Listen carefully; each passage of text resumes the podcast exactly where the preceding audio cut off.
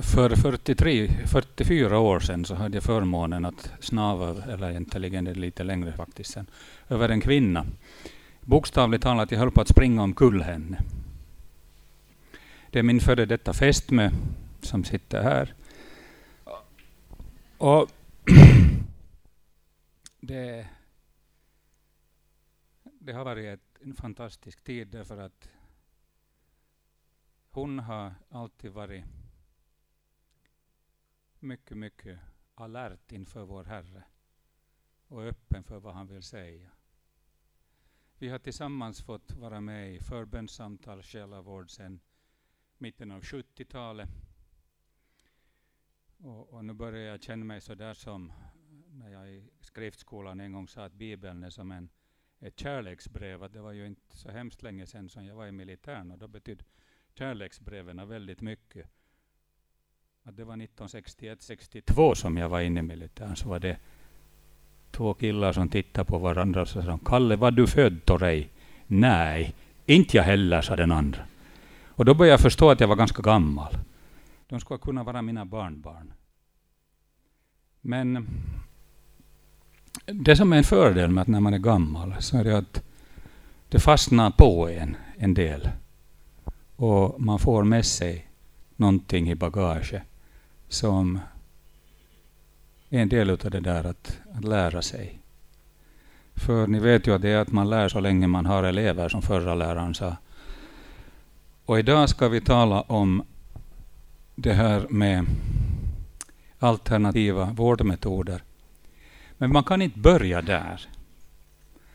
För vi måste rannsaka oss. Jag tyckte det var så bra som det sades igår kväll, att vi ska läsa Bibeln självkritiskt och inte bibelkritiskt. Och när det gäller allt det här så måste vi se först på oss själva. Vad är det som vi lever efter? Vad är det som vi följer? Därför att det är en sak att säga någonting. Och det är en annan sak att göra det. Eller leva efter det. Det är precis som en av texterna för den här söndagen som ju säger att, eh, jag tror det var den här söndagen, att Jesus att fadern sa åt sonen att gå och arbeta i vingården. Han sa jo, jo, nu gör jag det. Men inte hände något.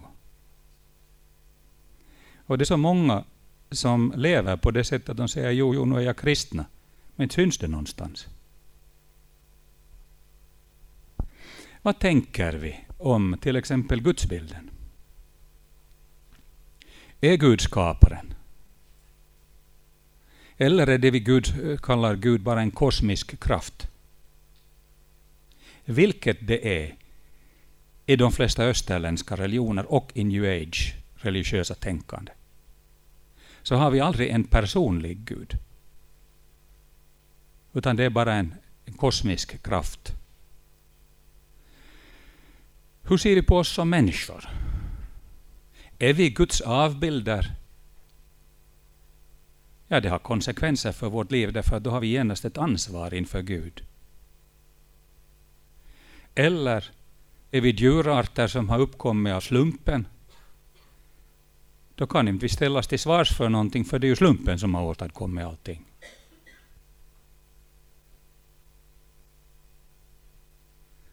Är vi en del av en opersonlig högre makt? Som new age säger att vi är alla gudar, säger en del riktningar. Så påverkar det vårt sätt att leva.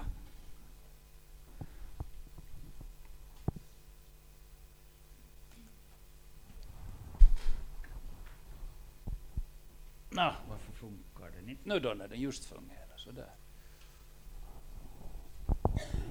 Vad tänker vi om frälsningen? Det var ganska märkligt att när jag samtalade med människor inför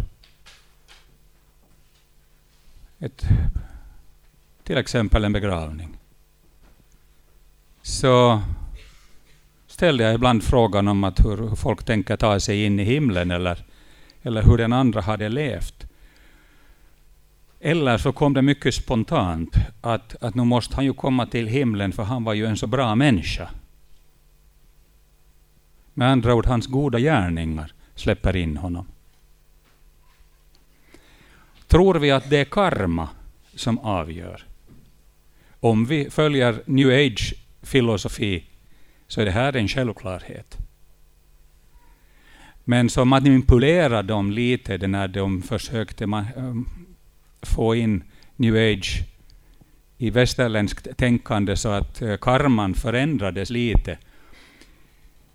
Man är inte längre, eller risken är inte längre den att, att man föds som ett djur till exempel, vilket du i Indien kan göra om du har levt ett dåligt liv. Så i ditt följande liv så sägs du bli en myra eller en groda eller en snigel. Men när man marknadsförde det i väst så var det ju lite genant det där, som man tyckte att nej, nu återföds du som en människa. Eller är vår frälsning grundad på Jesus Kristus? Hur ser vi på livet? På det liv som vi lever är vi en del av Guds rike, det vill säga det område där Gud har bestämmande rätt. Eller lever vi för att förverkliga oss själva i en individuell själviskhet? Det är det som dagens värld är så fylld av. En själviskhet som kommer att ta död på gemenskapen. Allt det här är sådant som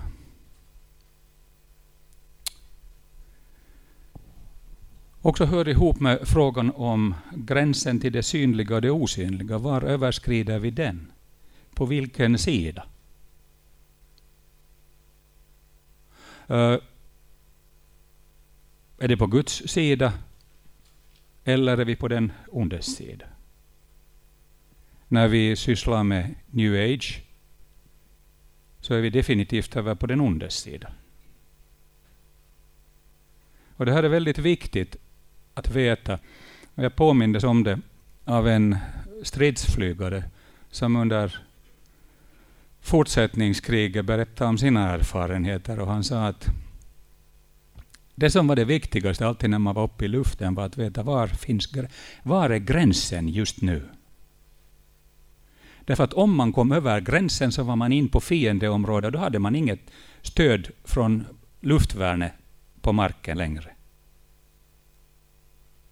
Som kristna är det precis samma sak. Vi ska hålla oss på rätt sida om gränsen. Eller, som det sades en gång, varför gå runt stängslet och sticka ut huvudet genom springorna när man har en hel grön äng innanför staketet att njuta av.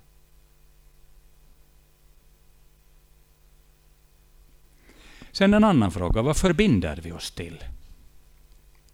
Vad har du förbundit dig till? Jag svarade ja en gång inför prästen när vi gifte oss, Lisa och jag. Och Det betydde att efter det så är hon den viktigaste människan i mitt liv.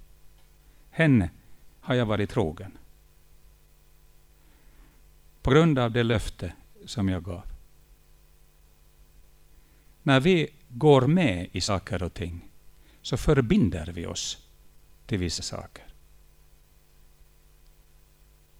Jag var till exempel själv med i Odd Fellow och trodde att jag var med i en kristen organisation. Tills det gick upp för mig att när jag med förbundna ögon hade förts in i Odd Fellow-lokalen och avlagt en ed som jag inte hade en aning om på förhand, jag hade sagt efter, som innebar mycket stora krav från mig, eller på mig. Och när jag sen kom till insikt om att det här är någonting alldeles galet, så skrev jag ett brev med en frågan. Eh, för det här mig fram till tro på Jesus Kristus som min Herre och Frälsare? Så då kan jag tänka mig att fortsätta. Men gör det det inte så ber jag att ni skriver ut mig. Och tre veckor senare så var jag utskriven. Men när jag hade frågat det där att för det här fram till tro på Jesus Kristus, så var svaret bara det får du se sen i de högre graderna.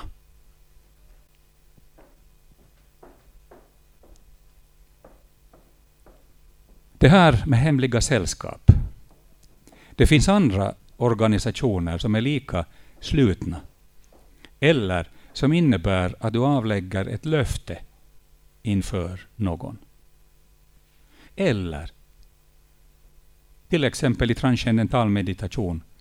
Du sätter dig ner och så mediterar du på ett mantra som du har fått, som du inte har en aning om vad det betyder. Men de facto så sitter du och mediterar över guden Shivas namn. Shiva som är krigs eller förintelseguden. Och det har konsekvenser.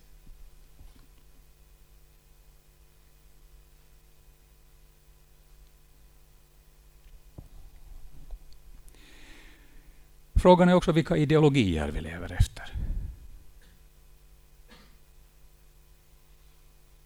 Det är så många som lever enligt den där principen som en gubbe som sa att han var kristen kommunist.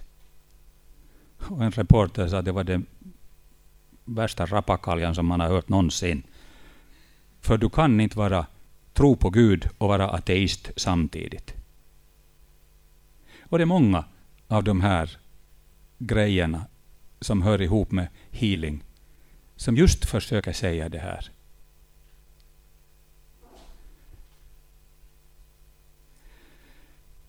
Det andra som är väldigt viktigt, vad litar vi på och vad väntar vi oss hjälp av? Luther lär ha skrivit att eh, det människan sätter all sin lit till och väntar all sin hjälp av, det skapar för henne både Gud och avgud.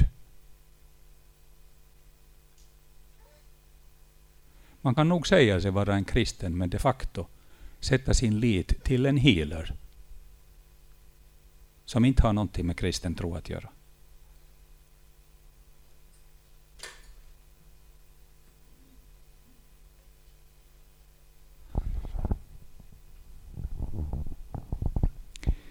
För den andliga kampen som det är fråga om också när det gäller alternativa medicin och eh, alternativa vårdformer, så har alltid att göra med det här vår tids tänkande.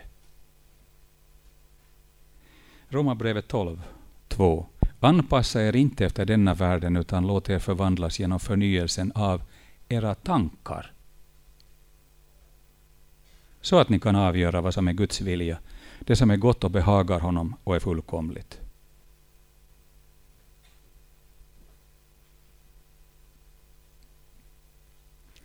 Och Gud varnar oss väldigt ofta och kraftigt för att gå in i det okulta. Vänd er inte till de dödas andar och uppsök inte spådomsandar. Ty ni blir orena genom dem. Jag är Herren, er Gud. När ni kommer till det land som Herren din Gud vill ge dig, får du inte göra efter de skändligheter som folken där begår. Hos dig får det inte finnas någon som offrar sin son eller dotter på bålet, ingen spåman, ingen teckentydare, svartkonstnär eller trollkarl. Ingen som ägnar sig åt besvärjelser, rådfrågar de dödas andar eller spådomsandar och söker vägledning hos de avlidna.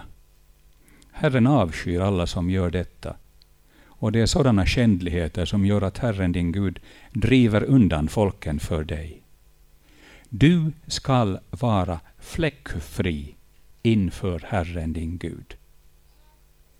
Det är avsikten med vårt liv som kristna. Att vara fläckfria inför Herren Gud. Precis som Gud sa åt sitt folk redan på Gamla testamentets tid.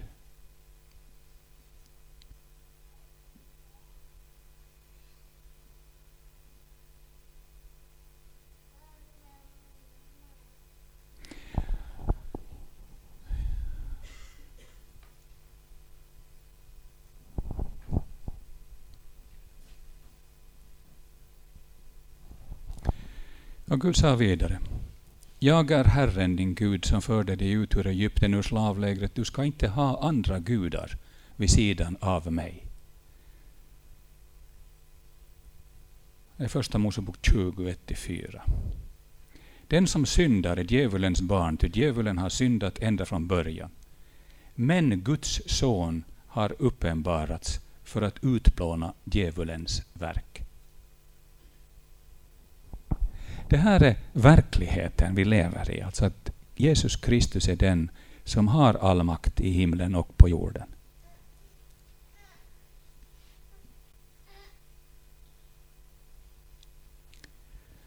Bröder, jag vill påminna er om evangelium som jag förkunnade och som ni också tog emot och på vars grund ni står och genom vilken, vilket ni blir räddade. Jag vill påminna er om orden i min förkunnelse. Det håller ni väl fast vid? Annars var det bortkastat att ni kom till tro. Bland det första jag förde vidare till er var det som jag själv hade tagit emot.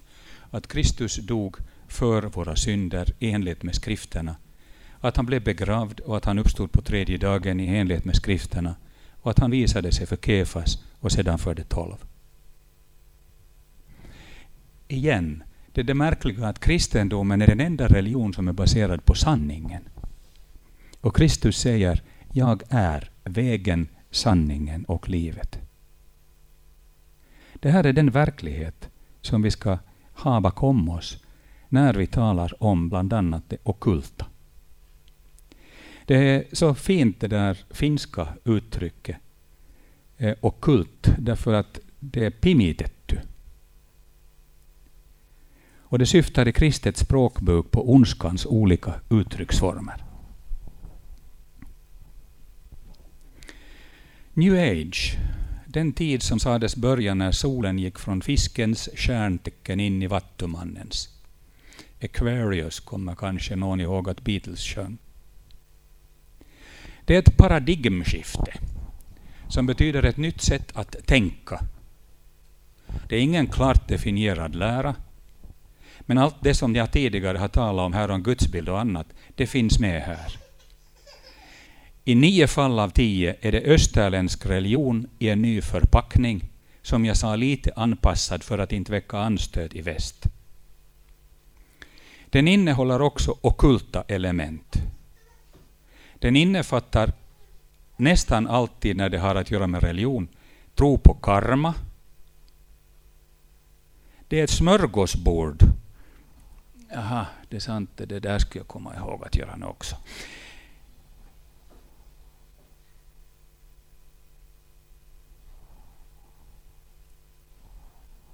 Det är ett smörgåsbord där alla blir saliga på sitt sätt.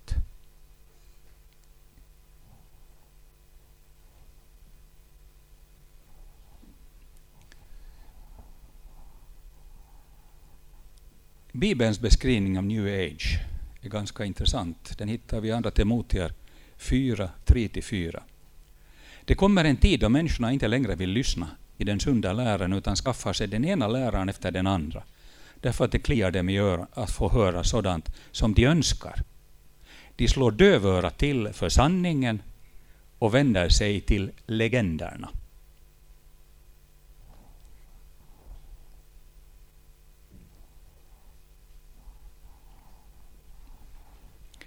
Falska frälsare och falska profeter kommer att uppträda med tecken och under för att försöka vilseföra de utvalda. Markus 13.22 det här skrevs på Nya testamentets tid, när det skrevs ner.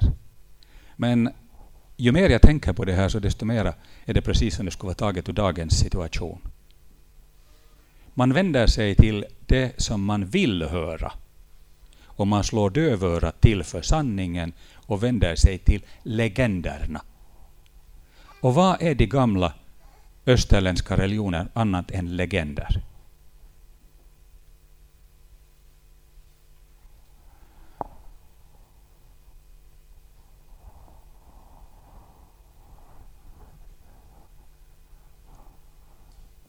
Vart har den där försvunnit, den där början av den där texten nu då?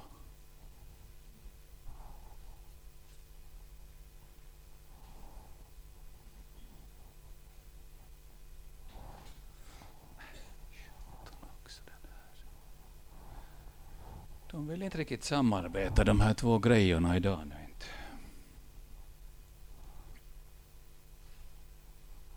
Jaha. Okej, då är vi där. Sådär.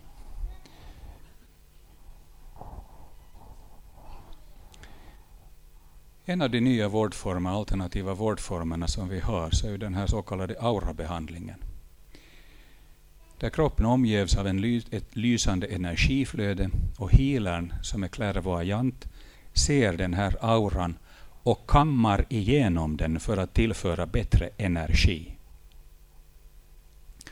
Det här är också en av de som man kallar för självhelande formerna, där bara healerns uppgift är att tillföra mera energi.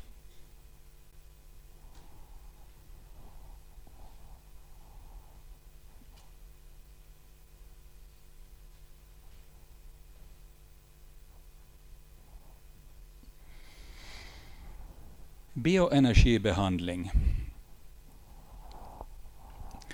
En form av kroppspsykoterapi där kroppen och dess uttryck analyseras av healern och behandlas genom massage, andnings-, hållnings och rörelseövningar av olika slag. Det är ingen idé för er att försöka minnas alla de här grejerna, jag tar upp dem bara som exempel. För det finns otaliga fler än de som jag kommer att behandla här. Så har vi stenterapi. En vårdform där varma och kalla stenar sätts runt kroppen för att förmedla Moder Jords vibrationer och tillföra energi.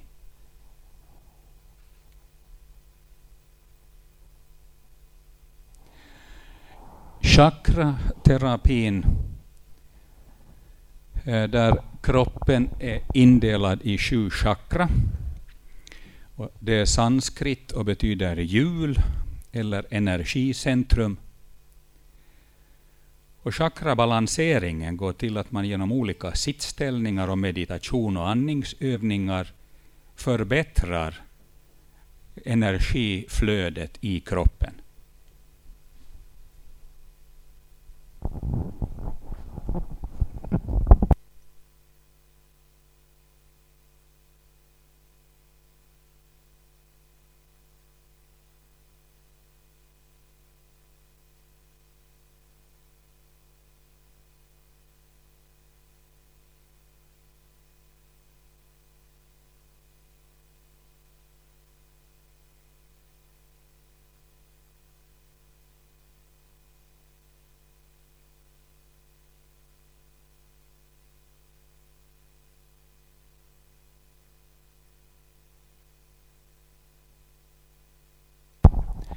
Det här är den vanligaste ställningen när det gäller meditationen, så kallade lotusställningen, som då ska förbättra kroppens mottaglighet.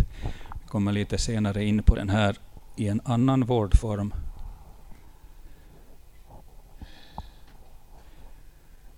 Prana healing. Och prana är sanskrit och står för ordet ande.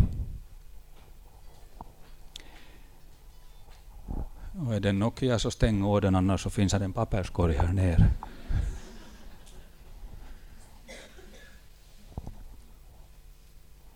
Och det här är alltså inom hinduismen en livsenergi, det här prana, som strömmar och flödar i kroppen genom små kanaler eller nadis, precis som blod genom blodkärl.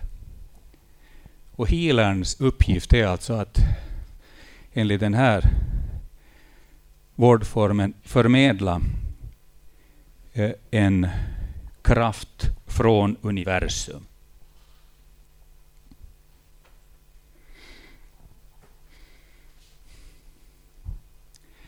En som kanske är bättre känd här i de här trakterna är rosenterapi, som är en form av lätt massage som utlovar avspänning och frihet från kroppsliga och själsliga spänningar.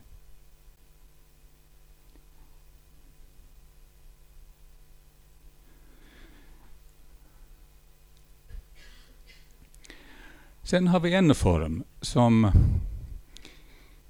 har diskuterats ganska mycket. Det är akupunktur eller akupressur. Akupunkturen betyder att vi sticker in nålar i kroppen på de här akupunkterna som går längs meridianerna. Det ska finnas vad det nu, 12 eller så på var sida.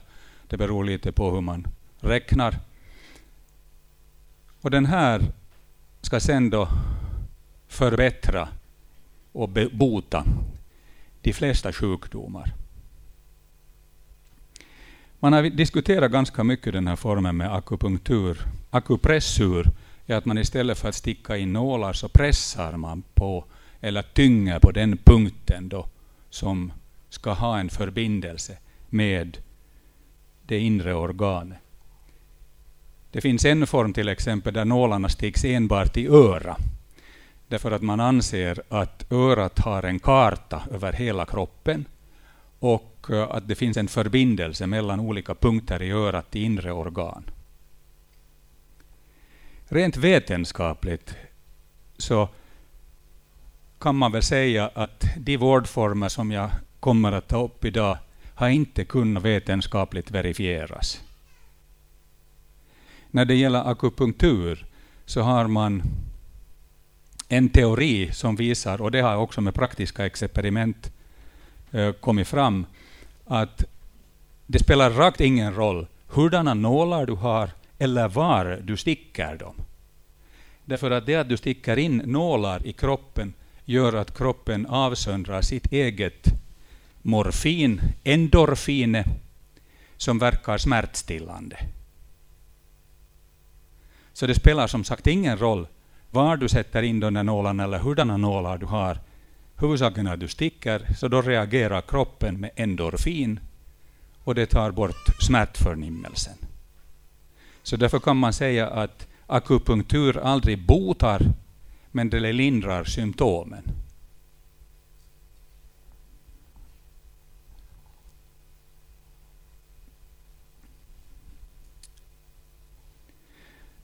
En form som Eh, jag vet att ni har, har diskuterat här nu också i Österbotten, Reconnective Healing, där healern aktiverar olika energinivåer som verkar ännu långt efter behandlingen. Den här vårdformen framställs som kvantvetenskaplig.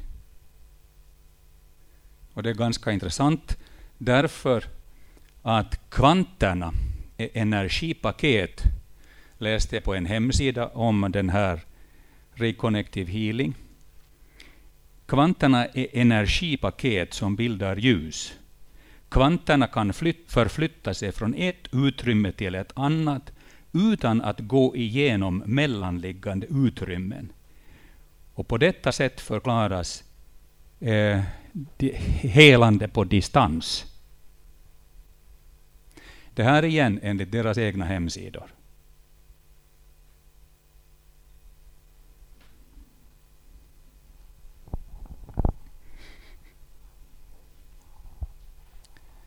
Reiki-terapin igen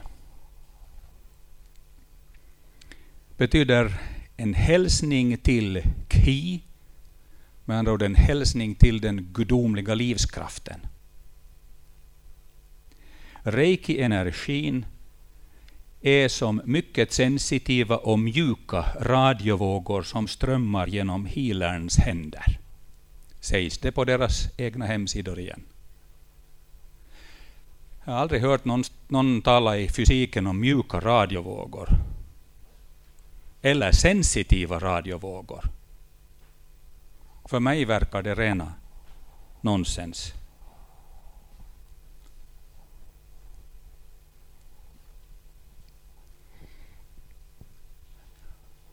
Yogan i olika former har ju lanserats som en vårdform som hjälper mot stress och mycket annat.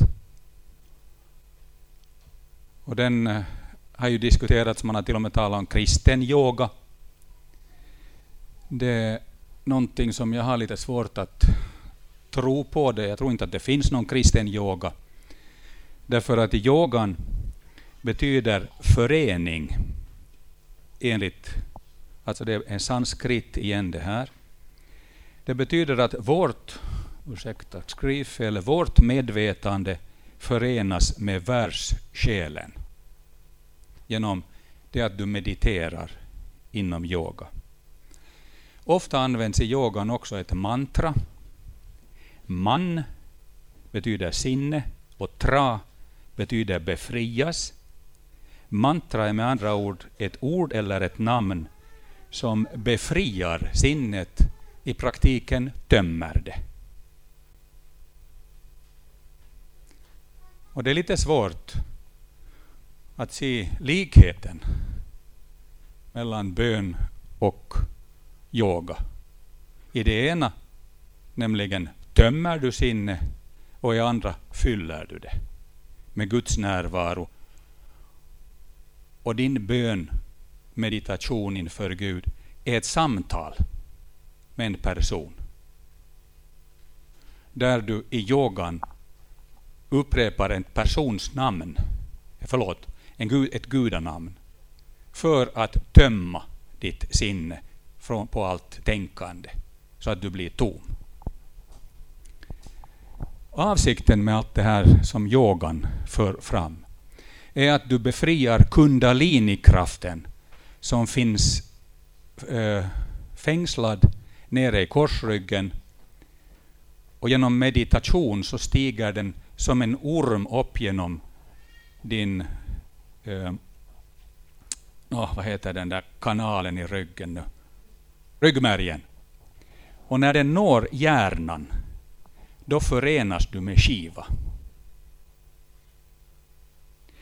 Och det betyder att du inträder i nirvana. Eh, jag hörde om en rikssvensk som själv hade varit medium och som berättade om det här och sa att han hade upplevt en yogi som hade kommit i det här stadiet. Och han sa att den personen blev fullständigt knäpp. Det fanns ingenting som kunde längre bota den människan. Naturligtvis annars än om man skulle ha kommit till tro på Jesus. Därför att den här meditationen hade förstört hans personlighet totalt. Med andra ord förstört hans tankevärld. Och dessutom, om du slår dig ner varje dag och ber 15 minuter på morgonen, så har det fysiologiskt precis samma effekt som yogan.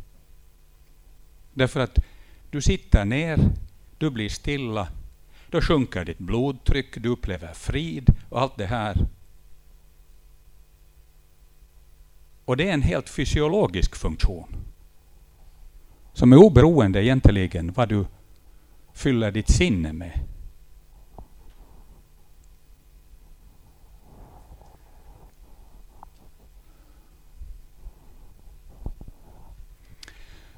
Det finns som jag sa otaliga av de här nya vårdformerna.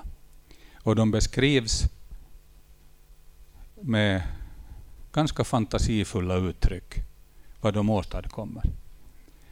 Men vanligen så utgår de från en österländsk människosyn. Just om det här med energicentra och med de här eh, meridianerna och annat som förmedlar energin och de utgår ifrån att det är energi som ska tillföras eller som ska frigöras eller oren energi ska förändras. En annan, ett annat uttryck som ofta används i de här alternativmedicinerna eh, och vårdformerna så är ju också det att slaggprodukter ska ut ur kroppen. Och det kan ni vara lugna för att inte har ni några slaggprodukter i kroppen i normala fall heller, för det har nog Gud skött om redan när han skapade er. Så de sköter han helt klart om att de kommer bort.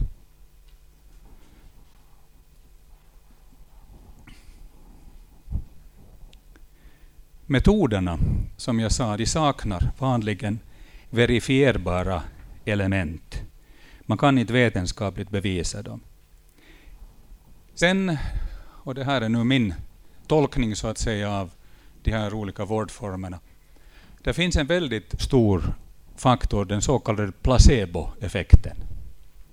Jag vet inte hur man ska förklara det där placebo egentligen. Jag kan förklara det riktigt bra på, att, på det sättet att vi hade en gång på en skriva, när jag just hade börjat, så hade vi en flicka som inte kunde sova. Det var första gången som var borta hemifrån. Och hon skulle ha en sömntablett. Och jag sprang till Lisa och sa att hej, har du några sömntabletter? Ja, vad är det fråga om då? Jo, nu är en flicka som inte kan sova. Aj, sa hon. Jag har en kalktablett här, ge den åt henne och säg att hon tar ett glas mjölk före och så sover hon hur bra som helst. Flickan sov som en stock. Bara därför att placeboeffekten fungerar. Den här placeboeffekten finns med i många av de här vårdformerna.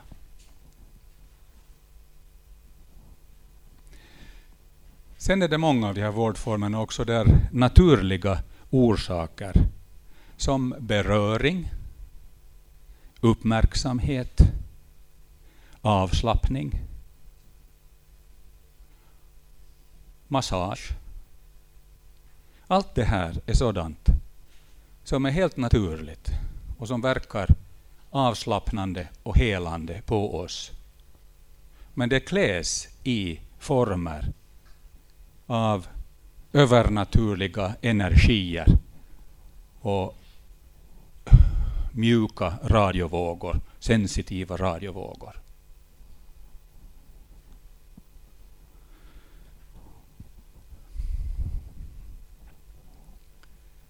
Problemet med de här är att de kan vara inkörsporten till att lita på det onda.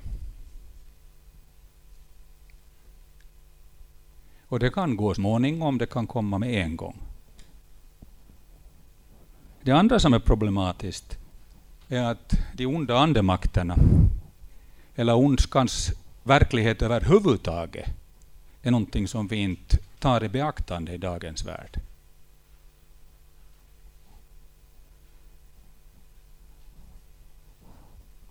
Vi hade, när den karismatiska förnyelsen var ung här i landet, så hade jag en prästkollega, han hade varit ingenjör tidigare. Vi hade alltid knapparna mot varann. Napit vastakkain, som finnarna säger. Och orsaken var alltid densamma. Han trodde att onda andar för mig var någonting av det viktigaste som fanns. Och han, han trodde ju inte alls på onda andar. Inte det något viktigt, men jag vet att det finns.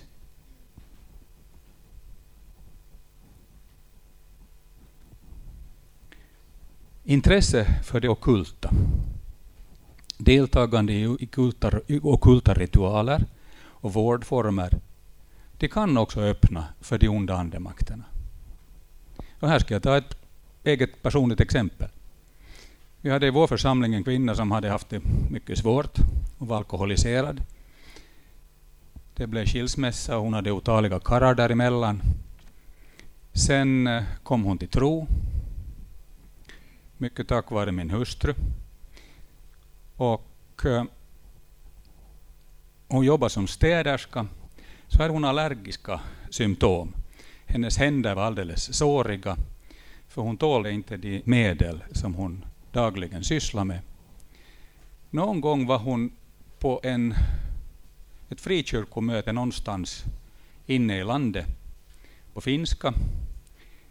Och en frikyrkomedlem där i församlingen tog henne till en healer. Hon blev helad. Allt var frid och fröjd. Det gick fyra, fem månader. Sen var alla symptomen tillbaka.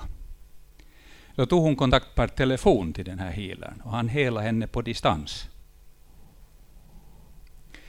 Genast efter det så började hon höra röster. Och det märkliga var att det var min röst som hon hörde. Jag var kyrkoherde i församlingen. Det var min röst som hon hörde, som sa att hon inte får ha någon som helst kontakt med kristna. Hon måste bränna all kristen litteratur som hon har fått och hålla sig helt och hållet borta från allt det här med kristet. Det var ju inte att undra på att hon åkade in på mentalsjukhus ganska snart efter det här. Varför? Därför att de onda andemakterna hade ju följt med saker och ting. De vet och de kan. Och det var de som talade. Och förställde sig så att det lät precis som om det skulle vara jag som hade sagt det.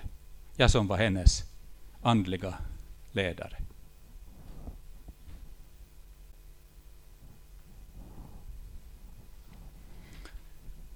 Det är en väldigt stor skillnad på att vara ansatt och att vara besatt. Skulle jag ha varit i Norge nu så skulle ni ha skrattat hjärtligt. För på norska så betyder ansatt vara anställd av en ond ande. Men det är en stor skillnad på att vara utifrån så att säga bombarderad eller attackerad. Eller om det har gått så långt att den har kommit in i ett visst område i mitt liv. Han var alkoholiserad, mycket skicklig musiker, mycket skicklig laborant, gjorde vissa uppfinningar som till, till och med gav patent åt honom senare, som han tyvärr söp upp, hela patentet. Eh, men ehm, en gång så ville han då att jag skulle hjälpa honom. Och jag sa att men du, jag vet att, eller du vet att jag har sagt åt dig att jag ger aldrig pengar då när du är full. När jag hade sagt det så förändrades hans personlighet så totalt. Han körde bilen för att jag skulle köra honom hem. Nej, förlåt, han körde inte den gången. Eh, men hans personlighet förändrades så totalt det var en annan röst, det var en främmande röst, det var en främmande blick. Och fast han tidigare, just någon minut innan, hade talat väldigt religiösa termer, så var det nu bara förbannelse som haglade över mig. Det var en av de gånger när jag visste att här är det onda verkligen närvarande. Och i själavården har vi senare sett det i olika sammanhang. Men det som ju är det bästa i det hela, är att Jesus Kristus är allsmäktig. Och där Kristus finns, där måste det onda vika.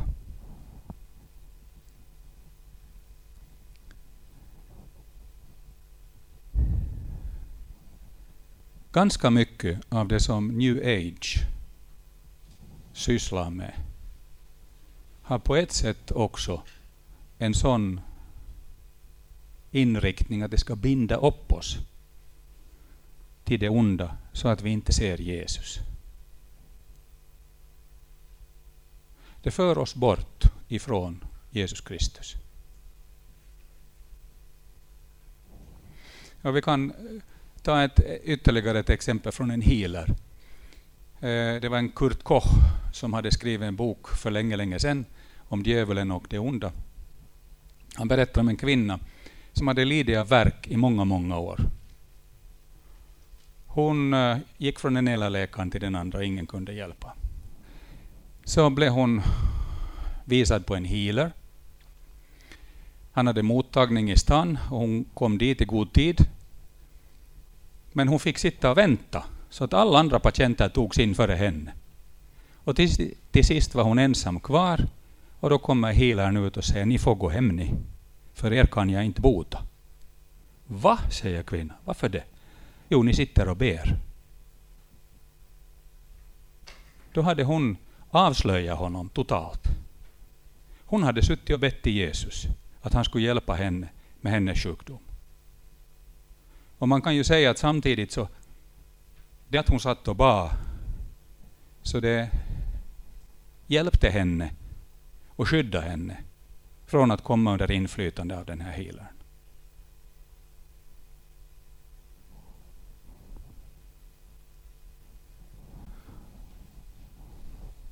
helt kort lite om shamanismen, som ju också sticker upp här som en vårdform i dagens värld. Det är en gammal form av helande bland naturfolken och vi har den bland lapparna i synnerhet. Där shamanen försätter sig i trans, ofta med tillhjälp av en trumma. Och så får han tillgång till helande krafter som hjälper mot sjukdom eller han får en information om någonting annat. Och han går med sitt kraftdjur så förflyttar han sig till andra delar av verkligheten och hämtar kraft. Och till och med själsåtervinning är en form av helande inom shamanismen. Spiritismen. Ehm, det fanns en mycket känd spiritist i Helsingfors i tiderna, Svea Riknå. Hon hade en bibel på sitt altare. Men ingen fick sitta med någonting i kors, för det störde andemakterna. Och det här spiritismen har att göra alltså med att själ, man tror att själen övervinner döden och levande kan få kontakt med den här döda genom till exempel en seans. Det var teosoferna som kom fram med det här. De kallar sin himmel för sommarlandet. Och under seansen får medierna kontakt alltså med den andliga världen. Här är trans mycket vanligt, men också automatisk skrift. I tiderna hade vi i Finland här en Raunilena Lukanen som skrev med automatisk skrift, det vill säga en annan kraft tog över hennes hand och skrev ner budskapet. Ehm, ett exempel på det här med avlidnas andar som man tror sig få kontakt med. En kvinna hade skött om sin gamla mor långa, långa tider. Modern dog. Och hon ville ju naturligtvis veta hur modern hade det efter döden. Och en natt så visade sig modern för henne. Hon blev ju glad, men samtidigt var det någonting som inte riktigt stämde, tyckte hon. Så hon frågade sin präst i församlingen och eh, gott nog så var han mer bevandrad än många av hans kollegor. Så han sa att du kan ju alltid pröva om det är från Gud det här eller inte. Men att säga att är du från Gud så är det okej, okay, men om du inte är det så befaller jag dig i Jesu Kristi namn att försvinna. Det gick en tid och sen uppenbarade sig den här citat, modern, citatet slut igen. Och kvinnan gjorde som prästen hade sagt. Och vad hände? Jo, den här skepnaden förvandlades till ett grått litet nystan som utstrålade eh, vad ska vi säga, hat och ondska och försvann. Och Det som är märkligt är att hennes beskrivning av andemakterna är densamma som många spiritister har sagt att, att så här såg de andar ut som de hade kontakt med.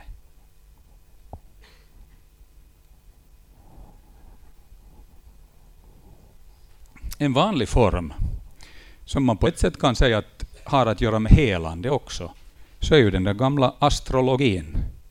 Horoskoperna och allt det här som hör ihop med det. Därför att det innebär en personlighetskaraktäristik där vi tror att planeternas och stjärnornas ställning vid födseln bestämmer över vår karaktär och vårt livsinnehåll. Vad är resultatet av det här? Jo, jag har inget ansvar för mitt liv längre. Därför att allt är ju förutbestämt, det går som på räls, och jag kan inte ställas till svars för någonting. Därför att det här var mitt öde.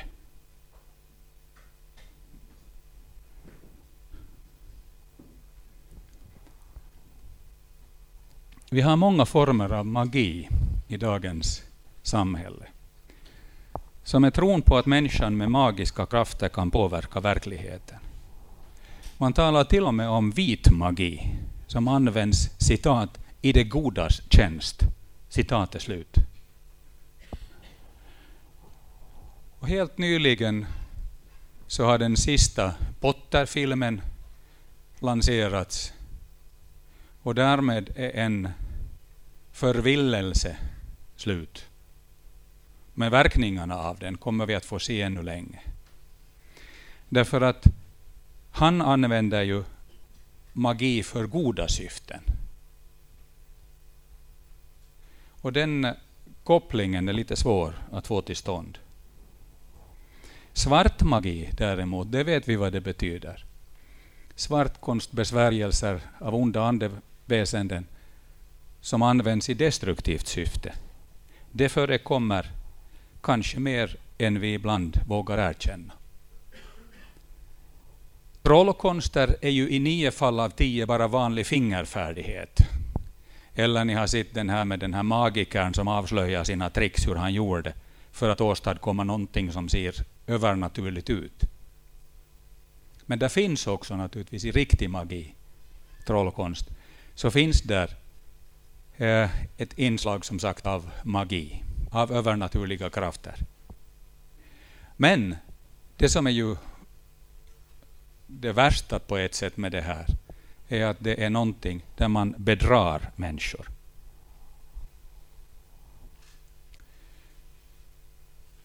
I delar av vår värld, speciellt i Amerika, Sydamerika i synnerhet, så har vi ju voodoo, där man sticker nålar i dockor för att förmedla förbannelse eller annat ont till den man vill skada. Så har vi satanismen. Min dotter var ute på länk här i förrgår och kom hem och sa att pappa, har du sett eller vet du att där fanns där och där så fanns det ett pentagram med sex, sex, sex i uh, uddarna. Pentagrammet är den gamla satanistsymbolen som inte kan eh, förrän förväxlas med, förväxlas med Davids stjärna som har sex uddar och ju består av två liksidiga trianglar inne i varandra. Den satanistiska symbolen har bara fem. Och de står då för vissa saker. Och det här talet 666, som ju märkligt nog förekommer också i vår EAN-kod som styrsiffror, så är ju enligt Uppenbarelseboken människans tal eller det ondas tal.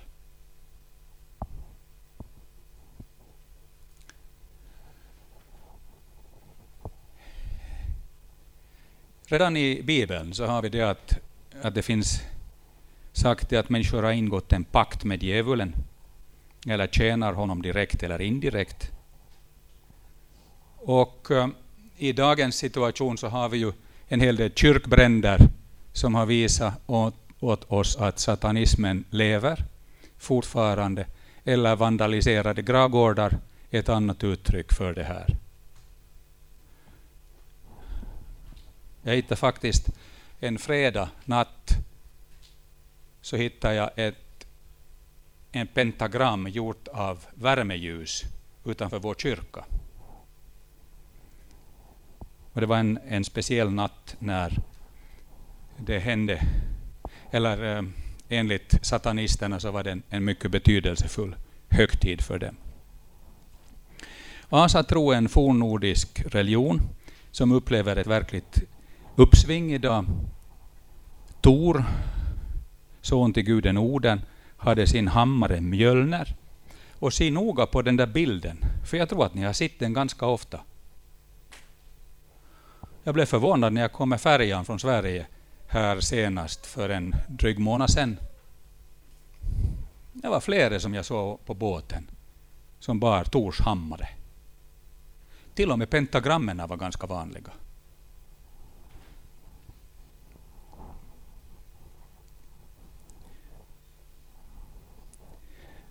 Idag bärs hammaren alltså av de som bekänner sig till asatron.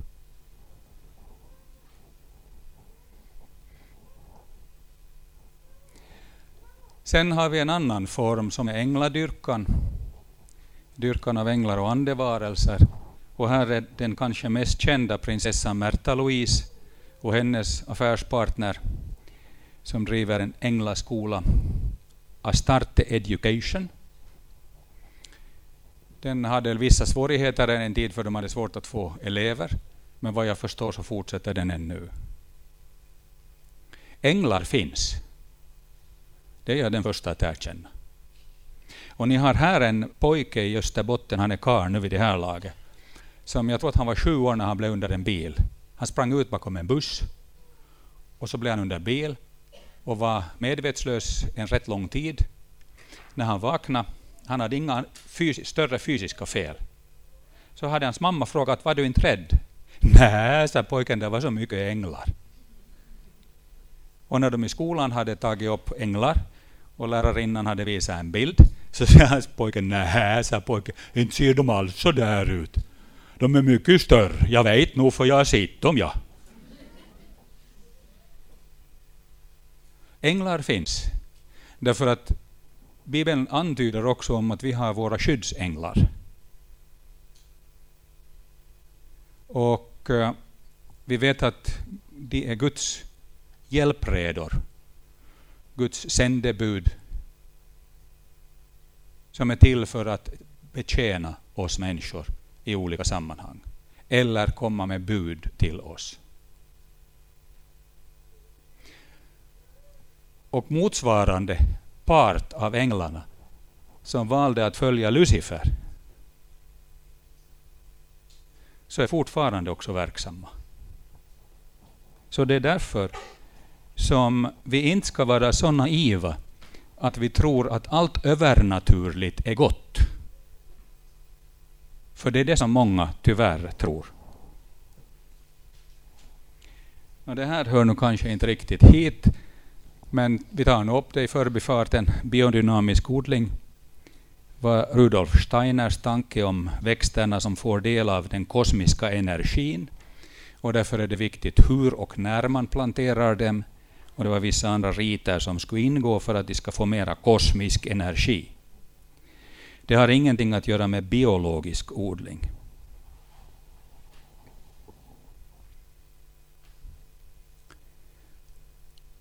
Där Jesus finns, där måste det onda vika. En kvinna var på väg hem från ett möte en kväll och märkte plötsligt att hon blev förföljd av tre män. Och um, hon ökar på takten, de ökar på takten, hon saktar på takten och de saktar på takten. Så vände hon sig om och den här ledaren för de där tre kom fram mot henne och då säger hon, vet du att Jesus älskar dig? Och hon sa att trots att hon var så rädd att knäna skakade, så höll hon på att börja skratta för det såg ut som att han skulle ha gått mot en glasvägg. Och så vände han om och så gick han. Uttala namnet Jesus och det onda viker. Har du varit med om någonting okult så kan du be. Förlåt mig Gud att jag har varit med i det och det. Jag bekänner det som, det som en synd och ber om förlåtelse för Jesu Kristi skull. Och jag avsäger mig all kontakt med det här.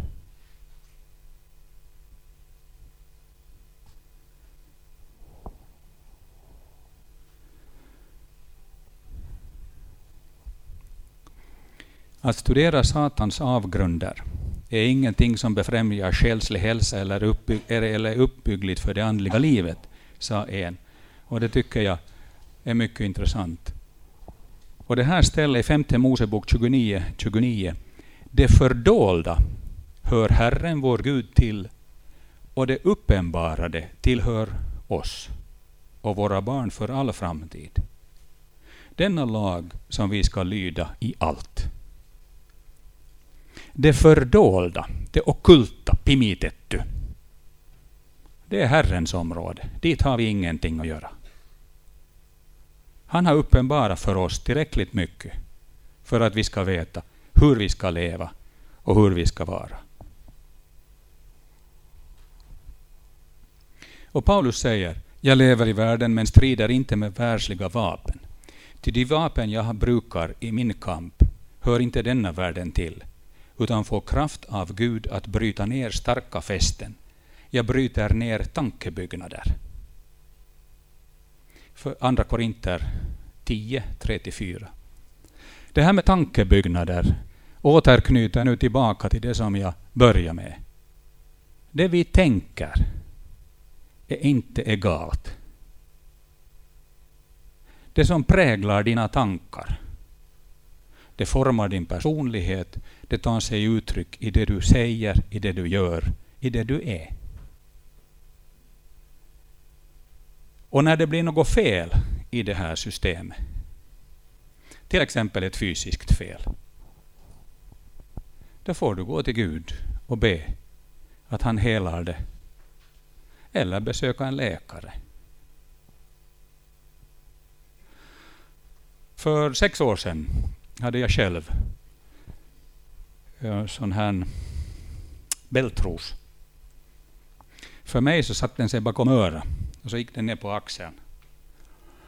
Så att um, båda sidorna här var angripna.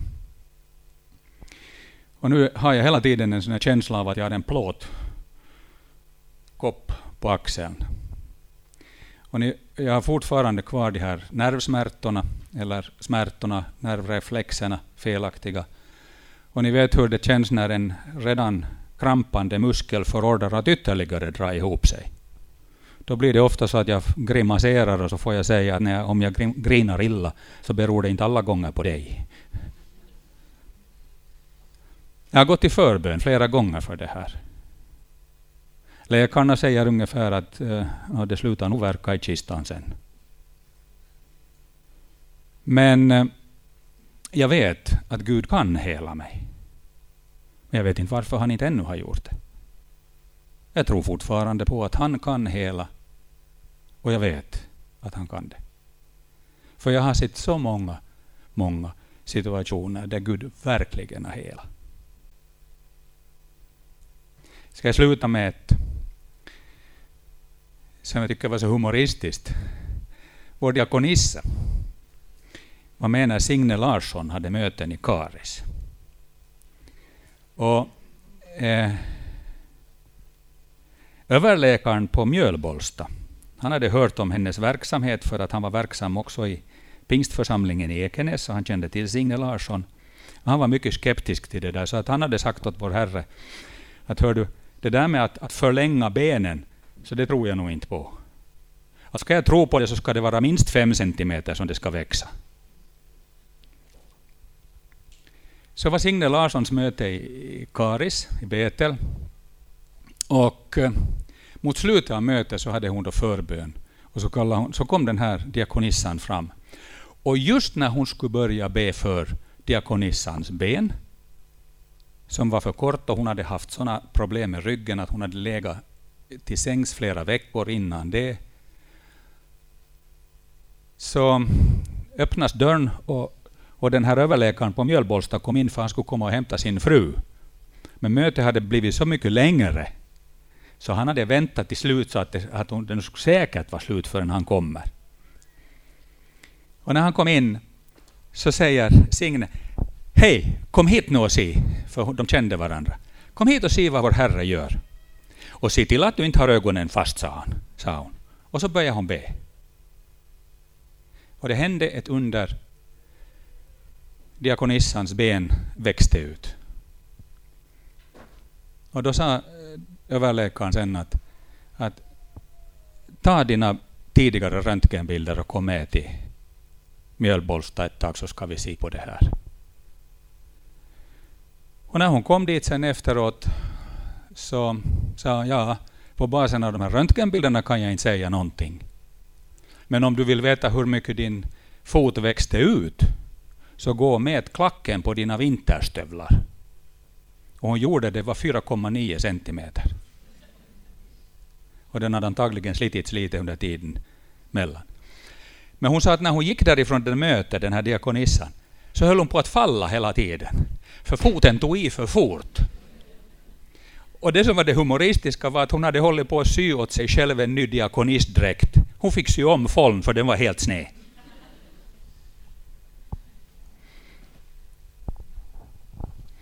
Det var det. Nu vet jag inte, nu har jag inte sett på klockan hur länge jag har hållit på. Vi har lite tid ännu till klockan tre. Har ni frågor?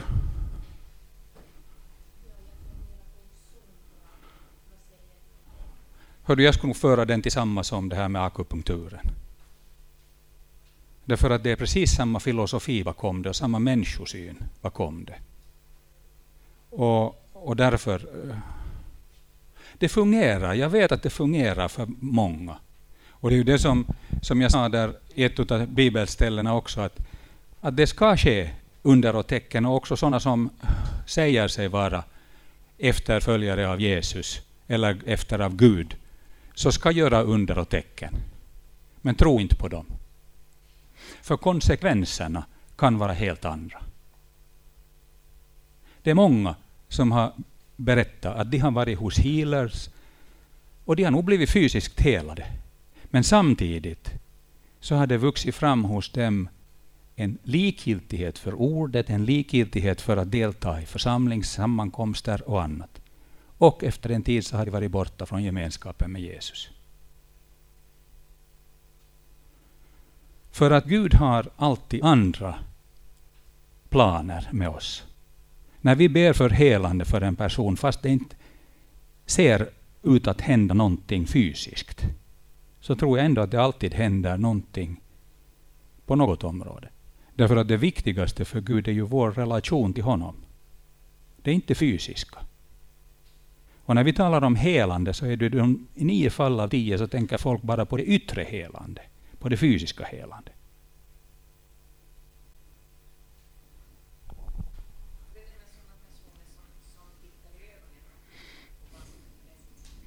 Ja, den här iristerapin, ja, men det är precis samma sak.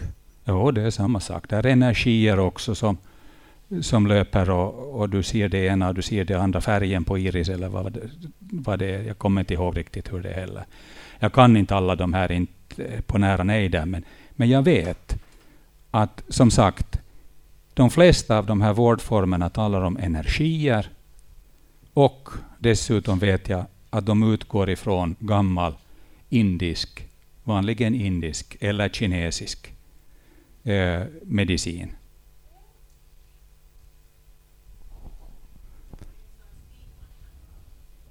Spikmattan hör också till det här. Jo, spikmattan hör till det där som fakirerna använde för att komma i trans lättare. Det var en, jag lyssnade i natt på en eh, person från Sverige.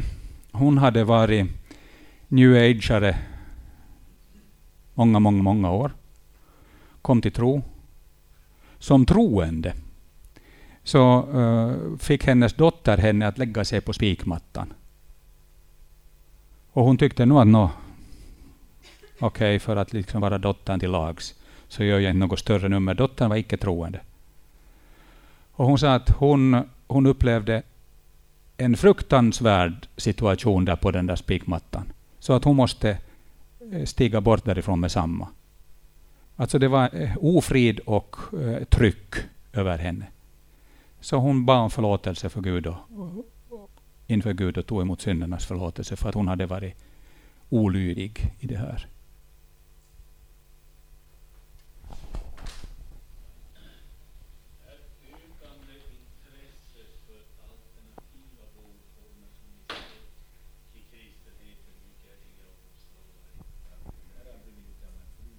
Ja, det hade blivit.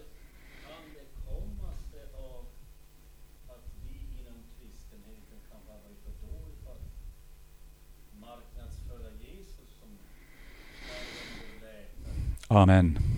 Inte behöver man ju säga något annat. Ja, ja. Ja, precis.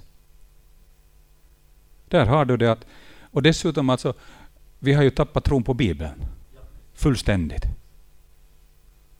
Och eftersom Bibeln inte har någon effekt, så inte har någon Gud någon heller.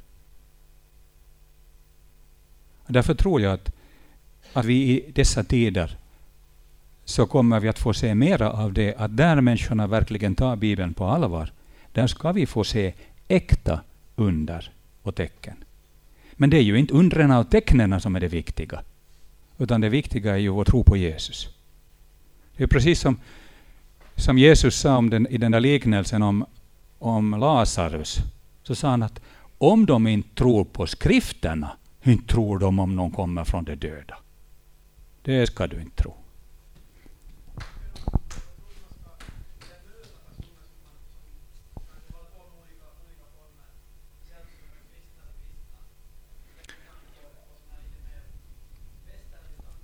Mm. Ja. ja. Eller akupunkturarmband som jag såg på Hurtigruttens båtar här nu som ska bota mot sjösjuka.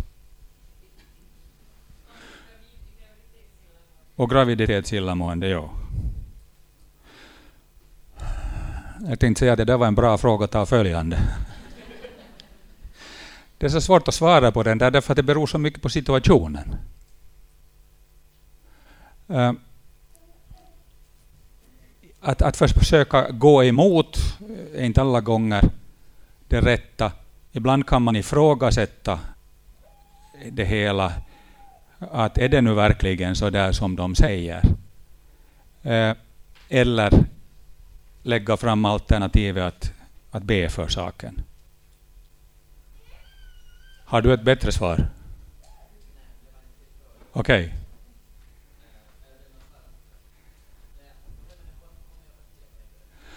Homeopati är en fråga som också har varit mycket aktuell i vissa sammanhang. Homeopatin utgår ifrån att du, det som orsakar en sjukdom också botar den.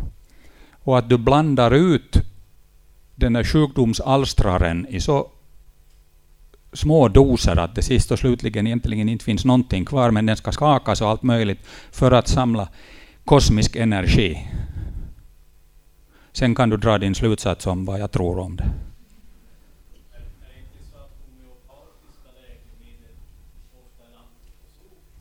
Det är de, i mycket hög grad antroposofiskt anknutna, därför att de har att göra just med eh, att det var inom den här rörelsen som, som jag förstår att homeopatin egentligen startade. Men det fortfarande så är det sånt som är... Eh, ja, det vad det.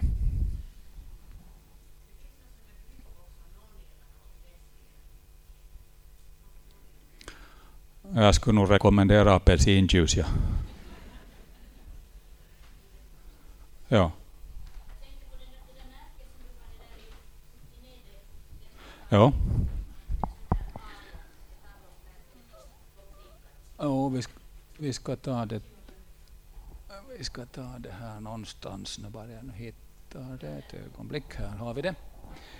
Det är yin och yang. Den gamla kinesiska symbolen för det onda och det goda. Akupunktur ursprungligen var för att man stack hål också för att släppa ut onda andar. Det var en förklaring. Det andra var för att återställa balansen mellan yin och yang. För sjukdom beror på obalans mellan yin och yang. Det goda och det onda. Och det är ju intressant att se att om ni ser på många varumärken idag så hittar ni den där symbolen på ett eller annat sätt. Mm.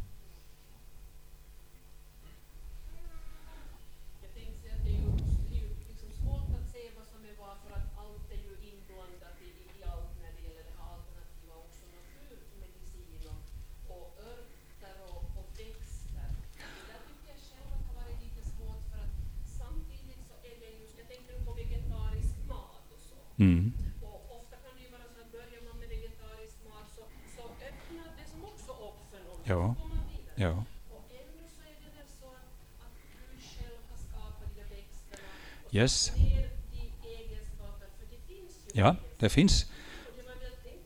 bara äta dem egentligen från första början. Ja. Liksom mm. Jo, alltså när det gäller just sådana här, eh, vad heter de där, medicinalväxter, så de flesta av våra mediciner är ju medicinalväxter ursprungligen. Det är nu först på senare tid som vi har kunnat konstruera de här och äh, artificiellt framställa medicin. Så att, att jo, de här naturmedicinerna är en sida i det hela. Förutsatt att du inte kopplar ihop dem med homeopatisk filosofi. För då är du igen där.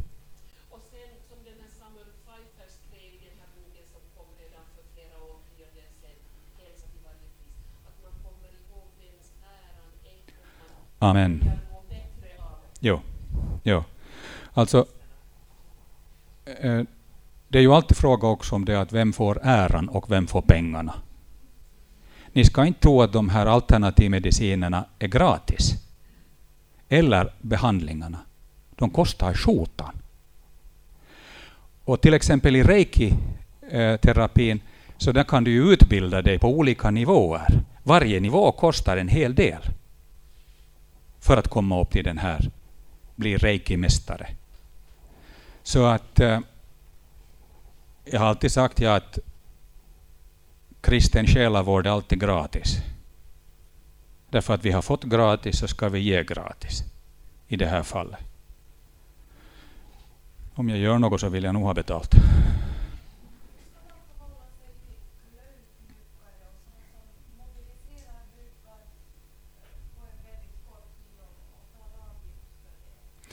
Ja, det där vet jag ju inte. Det där skulle jag säga att det där är väl samma sån här kiropraktik som ju nog är bara en, en fysikalisk eller kännedom om kroppen och hur den fungerar. Men nu ska man vara försiktig med det också. Vår son hade problem med ryggen. Och han spelade handboll och det var en eh, kiropraktor då som erbjöd sig att han skulle hjälpa honom och bota honom. Att vi var nog mycket skeptiska till det där och sen fick han istället vanlig medicinsk behandling och det visade sig att hans, en av kotorna saknade ett av de här som att säga, urs, eh, ut, utskotten. Så att det var en kotförskjutning som var ganska stor. Och den åtgärdades med en sån här operation där, där två kotor, eller var det flera kotor, som bands ihop med varandra så att den inte skulle slippa att förskjuta. Det kan hända att den där killen skulle ha gjort honom förlamad från midjan neråt. Men eh, okej, okay, vanliga eh, armvridare så tror jag inte kan göra någon skada, därför att det finns inget religiös grund i den där behandlingen. Det är ju alltid det där när det finns en religiös bit i det du gör. Som ibland folk inte ens vet om. Transcendental meditation var en typisk sån. Där du gavs ett mantra som skulle motsvara dina personliga vibrationer.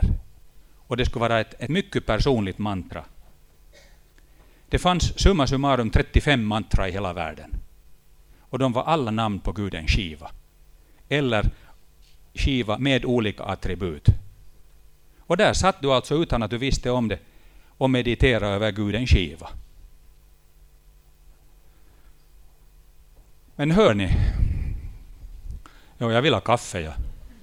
Vill du Eller var det därför som du vinkade? Nej, men en, en fråga till ännu. Vänt, sätt dig nu lite ner så ska vi ge dig.